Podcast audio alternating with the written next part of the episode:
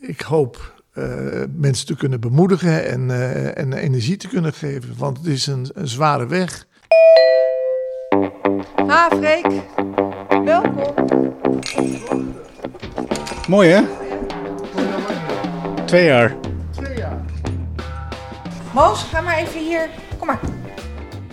Is deze jong of niet? Nog geen twee. Oké. Okay. Maar het is in, in Muidenberg is het een uh, jonge hondenplaag. Bij, bij, ons, de buren, oh, mag ik niet zeggen, moet je eruit knippen? Ergens in Muidenberg.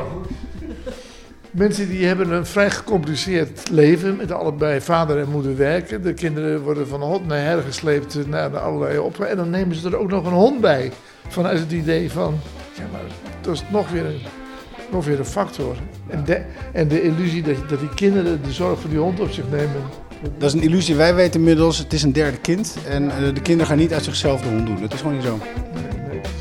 Ma Moos, laag. Laag, Moos. Ja.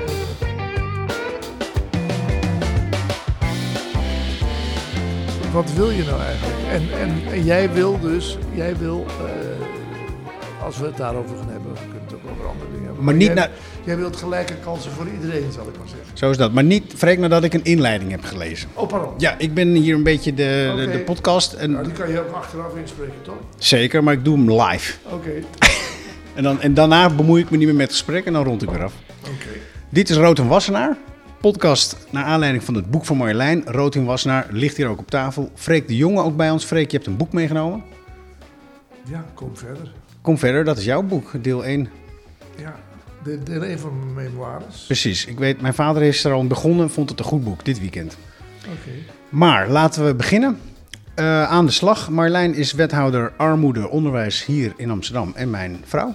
En nu heeft ze tegenover haar Freek de Jonge. Ja. Freek, ontzettend leuk dat je aan onze keukentafel bent aangeschoven. Ehm, jij belde mij ongeveer een jaar geleden. En dat vond ik heel bijzonder. Want ik was als kind... ehm, ja, als jij dan op televisie was, Freek, dan was dat voor ons was dat echt... Nou ja, wij kinderen begrepen eigenlijk niet zo goed wat jij zei. Maar onze ouders die rolden ongeveer van de bank van het lachen. En er moest sowieso altijd naar jou geluisterd en gekeken worden. Dat was gewoon een soort, ja, alsof je de priester, de dominee in ons huis was. Die, ja, die, eh, Ja, en het was voor ons als kinderen heerlijk om onze ouders zo eh, te zien lachen. Maar nou ja, nogmaals, ik snapte echt werkelijk eigenlijk niet zo goed. daar wat ben je blij van. daar werd ik heel vrolijk van. Ja. Maar wat je nou precies zei, ik weet wel dat het niet altijd aardig was over mensen die eh, vooral in de politiek zaten. Ehm, maar het was wel heel raak. Dat zag ik wel aan mijn ouders. En ehm, ik vond het dus heel bijzonder dat jij mij ongeveer een jaar geleden belde. En jij belde mij naar aanleiding van de serie Klassen, want die had jij gezien. Mhm. En dat had je geraakt.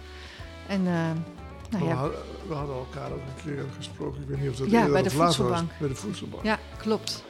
En toen kwam ik een beetje achter jouw missie en achter, je, achter wat, wat je deed. En eh, nou ja, eh, dat, eh, ik hoop eh, mensen te kunnen bemoedigen en, eh, en energie te kunnen geven. Want het is een, zware weg.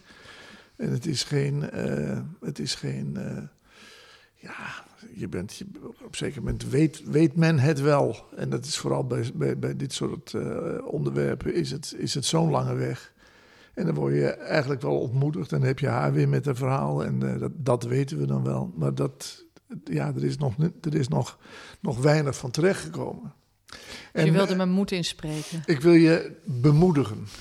Mooi. Bemoedigen. Ja, Ja, ja. zeker. zeker. En toen dacht ik, nou, nadat ik dat boek had geschreven, Rood in Wassenaar, dacht ik, nou, ik maak er een podcast over. En nou wil ik Freek toch wel heel graag vragen om met mij ook daarover te spreken. Ja.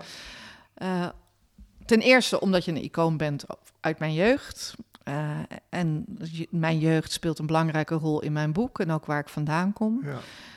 Maar ook omdat jij een icoon was voor links. Ja. Ehm, en jij natuurlijk ook heel veel hebt zien veranderen. En eigenlijk was een van mijn eerste vragen toen ik dacht, ik ga zo meteen met jou spreken.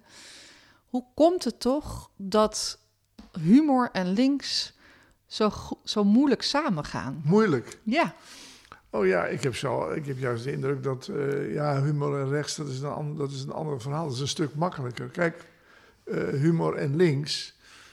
Uh, je kiest bij links, kies je een, een, een, morele en, en, en, en ethische kant. Je komt op voor de zwakkeren. Terwijl humor gaat over het algemeen over wie de pineut is, is, die is grappig. En ja, dat is nou niet bepaald vanuit het socialistische idealistische ideaal-idee. Het is leedvermaak. En, en, en leedvermaak is in de kern tamelijk pijnlijk. Ja. Dus ja, ik denk dat, dat, dat, dat het daar wringt. Ja. Is het ook maar niet tegelijkertijd heb, je, heb je oneindig veel meer linkse humoristen dan precies. rechtse humoristen. Nee, dat was precies mijn gedachte. Want ik dacht even dat rijtje conferenciers, cabaretiers afgaan, die zitten toch vaak meer aan de links, linkerkant van het spectrum dan dat ze aan de rechterkant van het spectrum. Dus toen dacht ik, wat gek eigenlijk. Dus we denken dat humor en links niet bij elkaar passen, terwijl de meeste humoristen zijn juist vaak links. Ja.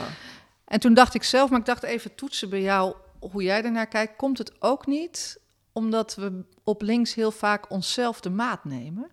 Ja, ik denk dat uh, je kunt links ook wel... Uh uh, ja, vatten onder het, het, het woord kritisch. Hè? Je, bent, je bent dus maatschappelijk kritisch, maar je bent ook zelfkritisch. Je bent kritisch op je organisatie. Je, je bent op, op een hele hoop zaken en misschien wel te kritisch. Kijk, VVD heeft een simpel uitgangspunt en dat is uh, behoud van levensstijl. En dat kun je onder alle omstandigheden kun je dat blijven roepen. En iedereen begrijpt waar het over gaat. Dat is, uh, ik mag hou, uh, hebben, houden wat ik heb. En de ander moet maar zien dat hij het krijgt. En dat is, een, dat is makkelijk. En als je, ja, het is uiteindelijk toch het schuiven met geld.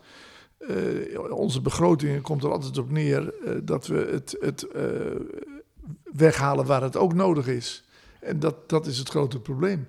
Dus bij iedere keuze die je maakt, moet je, ben je eigenlijk bijna immoreel bezig. Want er waren mensen die vertrouwden erop dat ze, dat, dat ze die ondersteuning konden bewaren. En die wordt dan even voor een paar jaar afgenomen. En die, en die schuift dan door naar anderen. Terwijl ja, het, het structurele idee om. Om uh, en, en, nou ja. en daarmee is links dus ook kritisch op links, omdat we eigenlijk altijd onszelf pijn doen. Nou ja, ik vind het, het meest pijnlijke dat, dat links in Nederland zo verdeeld is. Want uh, dat, maakt je, dat, maakt je zo, dat maakt je zo machteloos. Hè. In wezen ben je met wat er nu uh, aan, aan links gedachtegoed in de Kamer zit... heb je toch 30, ruim 30 zetels. En dan behoor je tot de, tot de, tot de grote partijen. En dan, en dan kun je op die manier ook je, je, je meer macht afdwingen. En nu, uh, ja moet je steeds naar elkaar kijken en afspraken maken. Dat maakt vooral op de, op de, op de, aan de, naar de populistische hoek uh, weinig indruk. En uh, ja, kijk, dat vind ik eigenlijk toch wel het meest wonderlijke van de discussie op dit moment. de, de beeldvorming, zoals de, de Partij van de Arbeid weggezet wordt dat, dat, doet mij, dat doet mij wel pijn. En wat is die beeldvorming? Nou ja, dat de, de cause of all evil, de oorzaak van alle ellende, is de, is de, zijn, de, is de, zijn de linkse partijen, het socialisme. Als de mensen die het roepen even achter zich kijken naar hun ouders en naar hun omgeving en, en zien uh, wie daar voor, voor een groot deel uh, daar, daar, dat, dat gegrondvest en een bijdrage geleverd heeft, dan speelt, dan speelt de Partij van de Arbeid daar een belangrijke rol. En dan, en dan nog vaak ook vanuit de oppositie, want in wezen eh, zijn we na de oorlog voornamelijk door rechts geregeerd. Dus uh, hoezo? Cause of all evil. Ja. En toch heb jij ook, hè, want dat, en daar moesten mijn ouders dan weer ongelooflijk om lachen vroeger. Mm -hmm. uh, ik denk in jouw conferences door de jaren heen, ik ben wel benieuwd hoe je daarnaar kijkt, ook door de jaren heen, natuurlijk zelf ook vaak wel kritiek geuit. En terecht. Ja, ja ik, ik, ik, uh, je, je, vraagt je af hoe ik daar zelf naar kijk. Nee, maar omdat dit mij zelf ook puzzelt. Hè? Dus het is ook iets wat wij natuurlijk zelf binnen de PvdA natuurlijk ook heel veel doen. Hè? Uh, überhaupt denk ik op links. Je, je begon er al mee aan het begin van links is vaak kritisch ook op zichzelf vanuit de gedachte, het moet altijd beter. Mm -hmm. Dus dat is juist belangrijk. Maar maken we onszelf daarmee niet ook gewoon kwetsbaar. Ja, nou ja, het vervelende is dat het ook nog eens een keer mensen zijn. Hè? Dus er, is, er spelen ook nog allerlei uh, andere dingen. En, en, en, en bovendien is de politiek ook nog eens een keer uh, een, een, een, een carrière-circus. Hè? Je bent ook nog bezig om, je, om, een, om een plek te krijgen dat, dat je zegt... ik wil met mijn plannen, uh, kan ik het, het meeste doen als ik, nou ja, jij in jouw geval wethouder bent. En er zijn er om jou heen in diezelfde partij, in diezelfde fractie... drie, vier mensen die dat ook ambiëren. En dan, dan, moet, dan, moet daar dus, uh, ja, dan moeten daar keuzes gemaakt worden. Dat is dan weer pijnlijk voor één of twee. Nou gaat het erom, hoe ga je daarmee om? Ja. Kun je dat aan? Of begin je dan te vroeten en te zeuren en te zaniken... en, en verzamel je om je heen mensen die het met jou eens zijn. En dus dat, ja, dat geeft binnen die partijen ongelooflijk veel gekrakeel en, en, en verspilde energie. Ja. Dus hoe, ja, we, ontkomen niet aan ons mens zijn... Uh, maar het, het is vaak zo dat als je een, een, een charismatische leider hebt, dat, er, dat daarin een hoop oplost. Maar ja, die ontbreekt eigenlijk bij de, bij de uh, Partij van de Arbeid sinds Joop den Uyl, zal ik maar zeggen. Dus ja, daar zitten intussen allemaal mensen een beetje te kijken van, nou ja, misschien kunnen wij die partijen overnemen. En dan is ook, naar mijn indruk, dan heb ik hem vanuit mijn kritiek, dan zeg ik van waarom wachten we nu, waarom wacht de partij nu weer zo lang om met een leider naar voren te komen. Waarom moet het dan weer een half jaar voor de volgende Tweede Kamerverkiezingen? Uh, gauw twee kandidaten die weer elkaar gaan afbranden in, in, discussies. En dan komen we met iemand. Waarom is nu niet. Je bedoelt de discussie destijds tussen Lodewijk en Diederik? Ja, precies. Ja, dat was natuurlijk helemaal niet verstandig. Ja. En, en, maar als je nu, uh, nou ja, ik noem maar een naam, als nou uh, Jeroen Dijsselhoff, ik weet niet of hij het ambieert, maar als hij nu gewoon, hij, heeft niet al te veel uh, functies. Nou als hij heeft net nog een kritisch rapport geschreven ja, over ja. het coronabeleid. Maar als, je, als hij nu gewoon in, in het noorden van het land begint en, en heel langzaam gedurende een half jaar afzakt naar het zuiden. En dan dat evalueert binnen de partij en dan het volgende half jaar weer van het zuiden naar het noorden trekt dan is zo ongelooflijk duidelijk bij iedereen dat dat de nieuwe lijsttrekker is. En dan, ja, dat moet nu, dat moet net als in, in Amerika. Hè, dus die, die, die campagnes, die, die, die, die, die uh, uh, voor die presidentsverkiezingen. En nou ja, in Amerika sowieso uh, op allerlei fronten hebben ze een iets verder doorgevoerd voor de dem democratie dan wij. En er wordt veel campagne gevoerd. Ja. En dan kom je bij de mensen. En dat wat ook niet altijd leidt in Amerika tot de juiste leiders. Nee, ja, maar dat is, dat is een heel ander verhaal natuurlijk. Maar er klinkt in alles wat je zegt, Freek, een enorme behoefte. Uh, en dat is ook al, denk ik, dat, dat mailtje of het telefoontje wat je mij vorig jaar uh, gaf. In toch weer uh, terug naar dat sterke linkse sociaal-democratische geluid. Nou ja. wat, je, wat jij eigenlijk altijd ook wel hebt eh, nou ja, zo, daarom waren mijn ouders vroeger, toen ik daar als kind bij zat, uh, was jij toch bij ons de, de, de, de, de linkse dominee. Maar als je nou kijkt naar, naar die, wat dat was, nou, zo'n zo'n 40 jaar geleden tot nu. En ik beschrijf dat ook in mijn boek, hè, verschillende decennia van politiek. Hoe kijk jij daarnaar? Hè? Hoe, hoe, kijk je naar, naar die verschuiving die er in die tijd is geweest? Hè? Want je hebt het nu over leiderschap, maar is het, is het nou alleen maar leiderschap of is er ook gewoon iets in de samenleving veranderd? Ja, er is natuurlijk in de samenleving heel veel veranderd. En uh, dat, is dat we, uh, ja, je zou kunnen zeggen, er is een decadentie. we zijn te, te verwend en we hebben de, de, de voorrechten die we hebben verworven uh, vooral uh, individueel opgepakt en mm. nooit collectief. Dus we hebben uh, ja, onze eigen vruchten geplukt van, van, de, van de welvaart. als je ook ziet in de, in de corona-periode de aandacht die er is voor kappers, nagelstudio's, vakanties en de horeca. In plaats van bijvoorbeeld cultuur? Er is, nou ja, cultuur, maar ook onderwijs. Er is nergens is er eens een keer een, een groot appel op uh, laten we nou eens kijken van wat is, de, de, de, de, eh, wat is nou eigenlijk de echte oorzaak dat onze maatschappij zo ontwricht is. En dat is omdat we niet kunnen omgaan met het lot. We hebben het idee, en daar is links voor een deel ook verantwoordelijk voor, het gevoel dat we alles in de hand hebben en dat we een maakbare samenleving kunnen naast. Dat is dus niet zo. Er gebeurt dus eens in de zoveel tijd iets waar we met de handen in de lucht staan. Hoe gaan we dit oplossen? En dan moet er eigenlijk een, een, eh, een collectieve solidariteit komen. Hier staan we met elkaar machteloos, dus gaan we hier met elkaar tegenaan. En, en uh, ja, nou ja, we, we gaan, uh, we gaan als, als mieren in, in een olievlek zijn we, zijn, we de, zijn we de weg kwijt. Maar jij, hè, dat, dat is jouw vak. Jij hebt altijd die spiegel voorgehouden. Je ja. hebt altijd willen laten zien, kijk, dit is het waar we nu staan als, als samenleving. Hoe kan het dat we dat niet meer zien? Hoe kan het dat wij niet doorhebben dat we zo daarin nou, in, in dat individualisme terecht zijn gekomen? Dat, dat, heeft, dat heeft alles te maken met, uh, met de propaganda. He, dus nu geloven... Om maar nog maar even een oud woord bij te nou halen. Nou ja, nu geloven mensen in, in Rusland dat uh, de, de Oekraïne de agressors zijn en dat daar de fascisten zitten. Ja, dat, dat is er gewoon zo, uh, dat is er gewoon zo door de media verteld. Maar, maar dat gaat niet alleen om de, de beeldvorming door de media. Maar wat denk je dat de, uh, de opmars van de, van de reclame en de marketing, wat die betekend heeft voor de volksgezondheid? Ik denk dat dat volkomen onderschat is die onzin die daar dus, nou ja, per dag met een, met een, in, een, in, een, in een mate van, van echt indoctrinatie, brainwashing in kinderen, eh, kindergeestjes en, en, en in, in kwetsbare mensen gepompt worden die maar te horen krijgen, hè, eh, we gaan naar, met vakantie, we gaan daarheen, we kunnen dat kopen, we kunnen dat. Als je het nou niet kan kopen, wat gebeurt er dan op een zeker moment met je?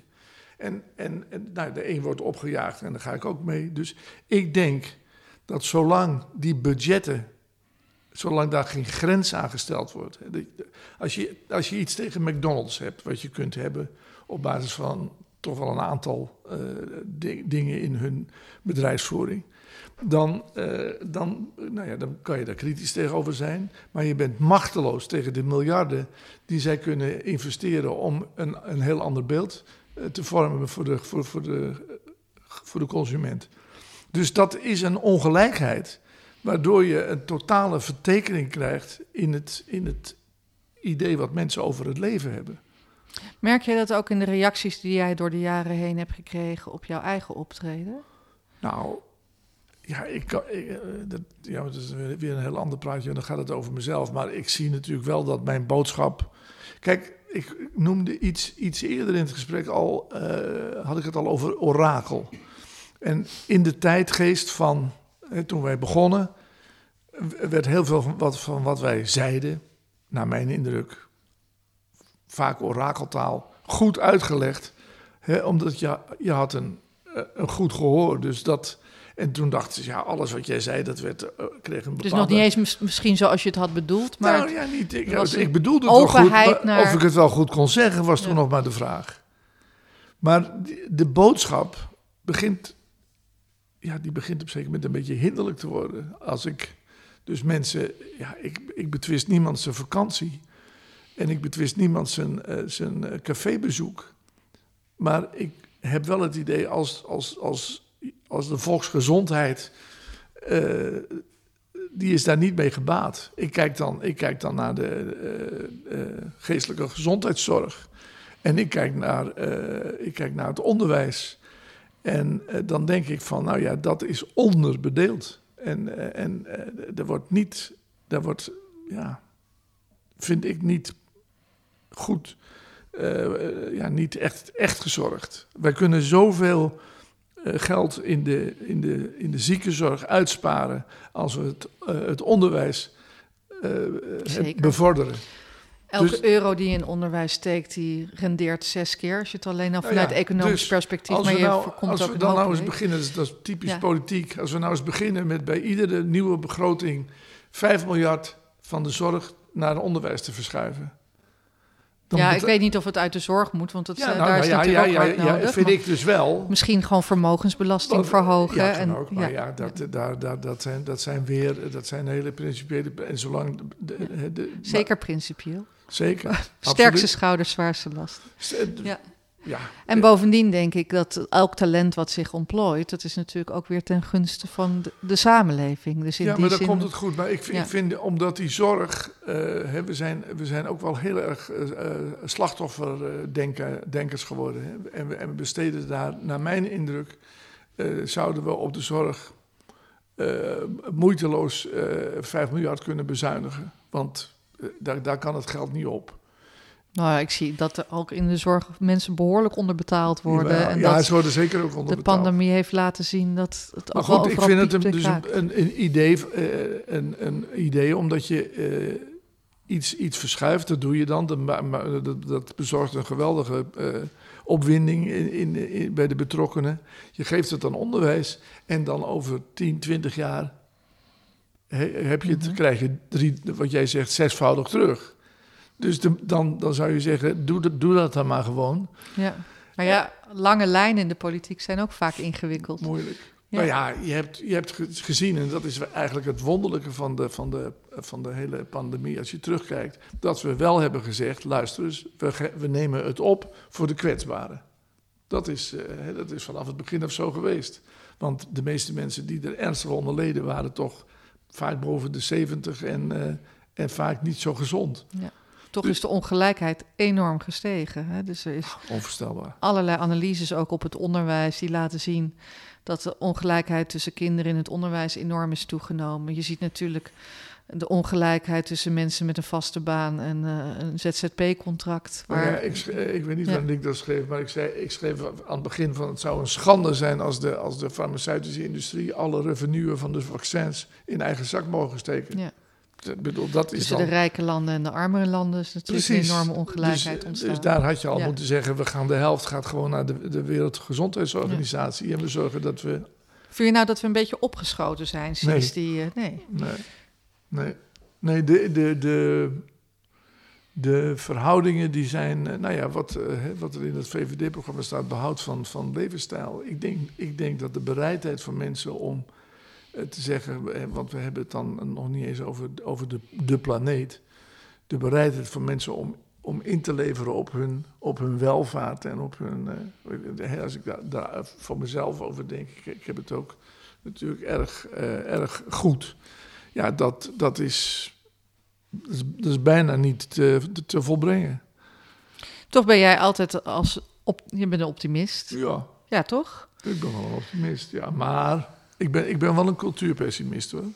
Ik heb wel, ik heb wel heel sterk de indruk dat eh, het, het, het, moeilijk, eh, steeds moeilijker wordt om met een bepaalde boodschap te komen bij de mensen. En als ik kijk naar de ontwikkelingen op de publieke omroep, hè, hoe daar, de, hoe daar de, de bereidheid is om, om een publieke taak te volbrengen.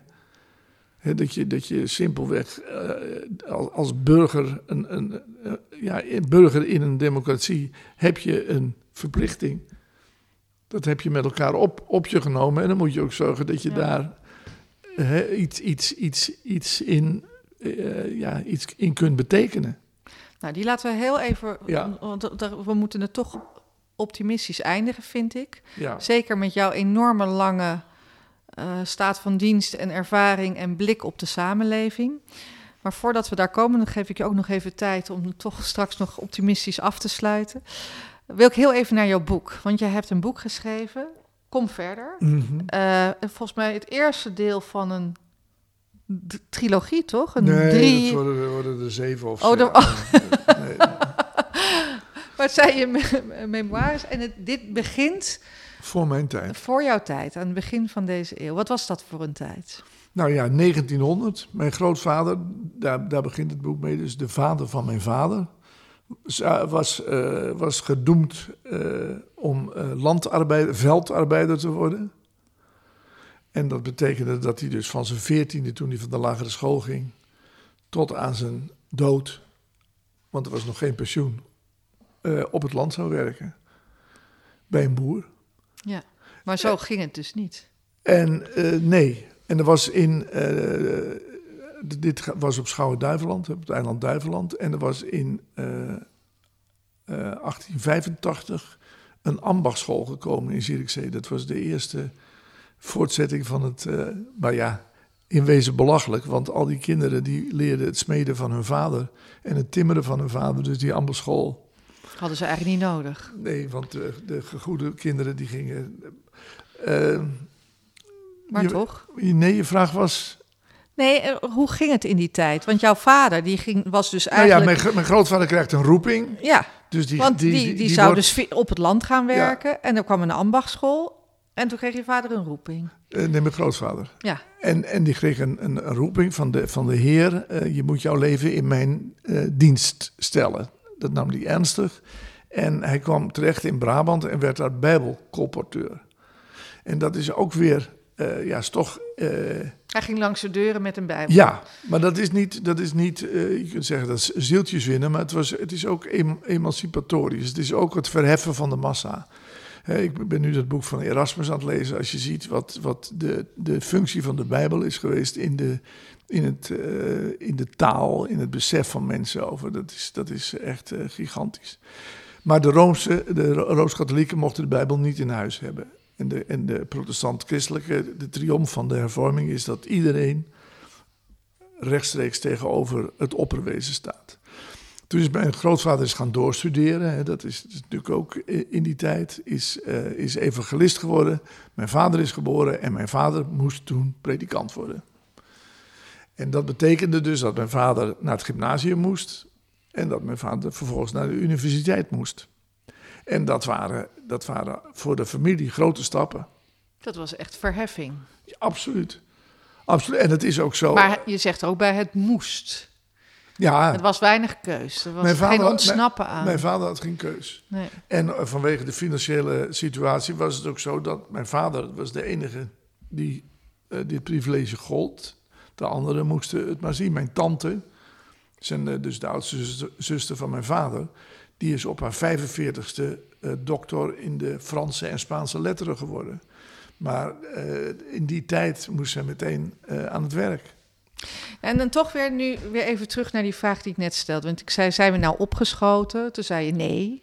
Als je het vergelijkt met deze tijd, dan zijn we natuurlijk ontzettend. Nee, maar het is toch interessant, hè? want dit is waar veel mensen naar verwijzen. Dus heel veel mensen hebben het idee: deze tijd is goed.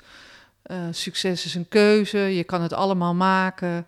eh, je- je- je- vrijheid om je eigen keuzes te maken. En toch zeg jij: nee, dat is niet zo, want ik heb in de jaren 70, jaren 80 toch een heel ander mensbeeld ervaren. Een- Nou ja, een beeld ja. van maakbaarheid die je, nu je moet ontzettend is. oppassen met eh, eh, van die, eh, van die sociologische conclusies te trekken. Daar, kan, daar ben ik helemaal niet, niet toe in staat. Maar Dat zegt onze minister-president ook. Die zegt Ja, ook, ik ben geen socioloog. Maar ja, uiteindelijk zijn de keuzes die gemaakt worden in het land Ja, maar goed, wel... hij, hij heeft meer verantwoordelijkheid voor wat hij zegt dan ik. Dat is waar. maar ik, ja, ik zie wel een, een toenemend eh, individualisme. Ik zie, ik zie eh, wel, eh, ja, ik, ja, ik zelf kom uit de provincie. Ik, ik, ik, heb, ik moet ook zeggen, als ik daar terug ben, toch heb je altijd nog wel het gevoel, nou, daar, is, daar is eigenlijk niet zoveel veranderd. Maar die enorme jacht, die hectiek, die, eh, ik loop vaak met Helle dus door Muidenberg en dan komen we eh, langs de naschoolse opvang zo om een uur of kwart voor zes. En als we dan zien hoe die, eh, hoe die ouders daar allemaal met enig risico al met hun autootje door het verkeer, want ze zijn al aan de late kant. En dan die kinderen onder de arm en dan naar huis. ja, als ik, als ik terugdenk aan, de, aan, aan mijn, mijn tijd, dan was er tussen, tussen schooltijd, tussen na school en dat je ging eten, was er een zee van tijd waarin je, ik weet even, je deed maar wat. Maar nu is het allemaal, allemaal eh, uurtje dit, uurtje dat, zo is het zo allemaal geregeld. Ik heb hier Cody Hochsebach aan de, aan de tafel gehad ook. En Cody is stadsgeograaf en die zegt ook... het feit dat onze woningprijzen zo exorbitant zijn geworden... dat we nu allemaal eh, twee verdieners moeten zijn. Dat zegt overigens ook Sander Heijnen, die hier ook aan de tafel heeft gezeten. Die, die het laat zien in zijn boek eh, Scheefgroei... dat het, we steeds harder moeten werken voor hetzelfde inkomen. Dat dat allemaal ertoe leidt dat het niet alleen steeds... ehm, ja, moeilijker wordt zeg maar, om ertussen te komen, maar dat het ook tot ontzettend veel stress in de samenleving Ja, leidt. En eigenlijk hoe- is dat precies wat jij ook beschrijft. Ja, maar dan ook nog het, eh, hoe kom je hier nou onderuit? Ja. Eh, hoe, eh, Dankjewel, Freek, want daar, daar was de vraag inderdaad. Ja. Hoe kan het nog anders? maar moet je dan, eh, en, en ben je daartoe in staat om tot een volkomen andere samenleving te komen? Hè, want in het, we beginnen al nu in het, in het onderwijs. de ergste deling komt al door die, door die testen, waardoor je zegt, nou, binnen twee, drie jaar weten we dat 75% van de kinderen kun je gewoon afschrijven. Die gaan het niet redden.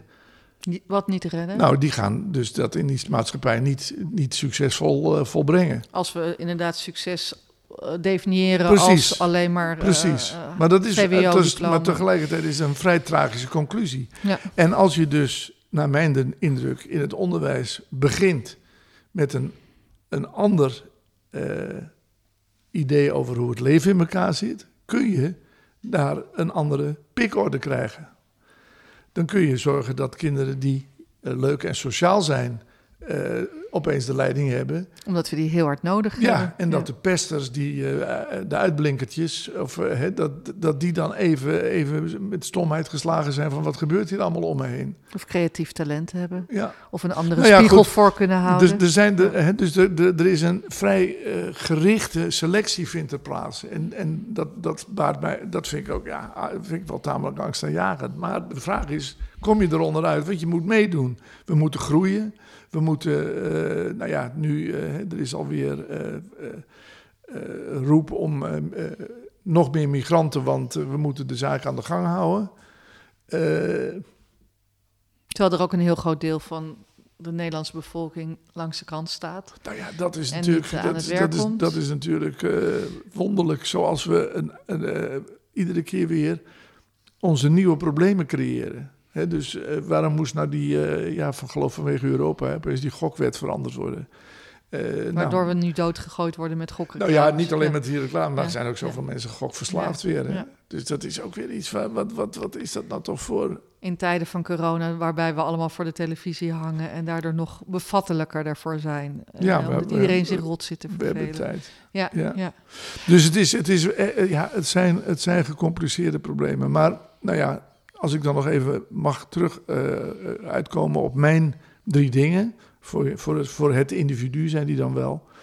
Maar dat is dan eh, waar je in de eerste plaats wat je een mens moet geven en gunnen, is vertrouwen.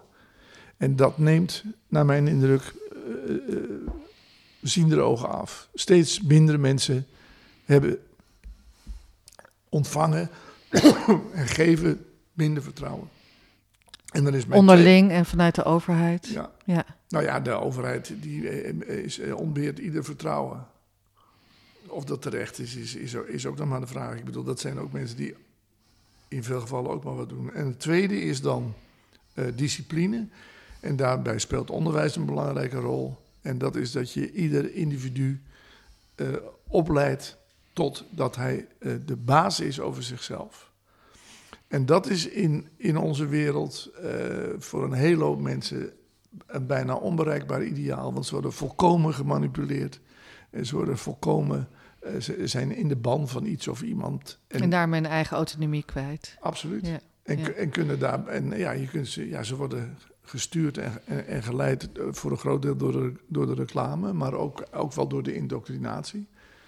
En dan, eh, dan is het derde, eh, en maar dat, dat, ja, daar heb je, eh, dan, dat, dat is je eh, concentratievermogen. En dat is in deze tijd ook iets wat eh, heel erg onder druk staat. Want ik denk als je je kunt concentreren, dat je dan eh, bij je talent kan komen. Vertrouwen, discipline, concentratie. Ik ken ze, want ze hangen volgens mij langs de lijn bij Ja. eh, voetbalclub Zeeburgia. Ja, Ja, da- daar heb ik dat met eh, de voorzitter. eh, ja, wij zijn daar eh, sponsors. En toen kon ik voor dat bedrag kon ik drie borden langs het veld zetten. Nou ja, het mooie is, ik ben daar laatst geweest bij Zeeburgia. Jij speelt er nog steeds, hè, Ja. Freek? En de- ze hebben daar bijvoorbeeld nu ook, omdat er heel veel talentvolle voetballers worden opgeleid, een huiswerkklas, omdat ze tot ontdekking zijn gekomen dat die jongens vaak de structuur thuis ontberen om Ja. goed te werken aan school. En omdat ze toch elke dag daar op de club zijn, kunnen ze daar met een extra huiswerkbegeleiding werken aan een toekomst. Want ja, de meeste van die jongens die worden helaas, al is dat wel hun droom, geen topvoetballer. Nee. Nee. Nou ja, Nee, de de, voorzitter is nu de voorzitter van de KVB. Dus dan kan je zien eh, hoe snel het gaat met iemand die, eh, die goed leiding kan geven. Maar ik heb daar ook, op een zeker moment hebben we daar een, eh, het, het ballenhok draagt mijn naam. Bij Zeeburgia. En daar hangen, hangt ook een bord met, het ballenhok. En daar, nou ja, het grappige was dat ballenhok leverde meteen op dat er per, per seizoen eh, 15 ballen minder verdwenen. Dus dan kan je, Ja. kan je meteen zien. Eh, nou, daar hangen ook regels van zorg voor je, voor je, voor je, Ja. voor je materiaal. Vertrouwen, discipline en concentratie. Is dat ook hetgene wat je links en specifiek de sociaaldemocraten op dit nee, dat moment... is, voor, dat, geldt, dat is voor, voor iedereen op ieder gebied. Nee, dit, dit, dit, zijn, eh, de, dit zijn geen dingen die, eh, die bij een ideologie horen. Je kunt hem, kunt hem wel pas toepassen in, iedere, ieder, in, in alle omstandigheden. Maar eh, ja, kijk, het, of, je, of, je ze, of je ze zuiver houdt. Nou, dat, ik denk het wel. Ik denk dat met, met eigenlijk met vertrouwen dat, dat, eh, dat er bedoeld wordt, ehm, je mag er zijn. Eh, Je gunt iedereen zijn- plek en zijn plaats. En dat is al, al een, heel belangrijk, een heel belangrijk gegeven. Gelijke kansen is niet alleen maar iedereen naar boven, maar vooral elk talent een plek gunnen in onze samenleving. Ja, nou ja, ja precies. Maar dat, dat, is dan, dat is dan ook dat, ja, gewoon vertrouwen geven. Hoe, eh, hoe kun je, eh, dat, dat, eh, dat zie je, we hebben laatst gekeken naar een documentaire over Lourdes. En daar komen dan mensen die zo onwaarschijnlijk buiten hun schuld gegrepen zijn door, door, een, door een misvorming of wat dan ook. En, en, en die krijgen daar opeens eh, in, in Lourdes eh, het vertrouwen. En, en zij gaan erheen vanuit vertrouwen. En dat levert zoveel, zoveel positieve emotie en zoveel. Nou, ik was er erg van onder de indruk. Het was heel erg ontroerend. Waarmee je maar onderschrijft dat het misschien niet ideologisch gebonden is, maar dat het wel heel noodzakelijk is dat vertrouwen geven in ieder geval wel in elke politieke boodschap een plek zou moeten krijgen. Ja, nou ja, wij zijn als mensen eh, ook, ook energietransmitters. Hè. We geven elkaar. En dan zie je dat, eh, nou ja, dat was ook bij, bij, die, bij die klassen zo. eh, zag je dat die onderwijzeressen, die, die twee, die hadden dus energie. En die gaven die energie aan die kinderen. Maar daar kregen ze ogenblikkelijk ook feedback. Hè. Dus dan, dat gaat dan werken. Terwijl ja, in andere gevallen heeft een leraar iets van: jongen, jongen, moet ik die klas moet ik die les gaan geven. En dan, ja, dan is de zaak al, al verloren. Als je geen energie krijgt van wat je doet, of je, of je nou eh, in wat voor situatie dan ook, als je daar, als je, dan, dan ben je verkeerd bezig. Moet dat dan toch de positieve, want ik had je gevraagd, Ja. hoe gaan we dit nog optimistisch afsluiten? En zie- je nog eh, Nou, ik zie. hoop ik- voor de toekomst? dat, is, dat vind ik wel iets voor de individualiteit. Er is wel voor ieder mens is er een, mogelijkheid om iets van zijn leven te maken. Nederlands hoop, toch? Ja, zeker. Dankjewel, Freek, voor dit mooie gesprek. Dit was eh, de podcast Rood in Wassenaar. We gaan nog even door. We weten nog niet hoe lang, maar er komen nog een paar hele leuke gasten. Leuk dat je luisterde. Mijn naam is Harm van der Veen. Ik ben Marjolein Moorman. En tot horens.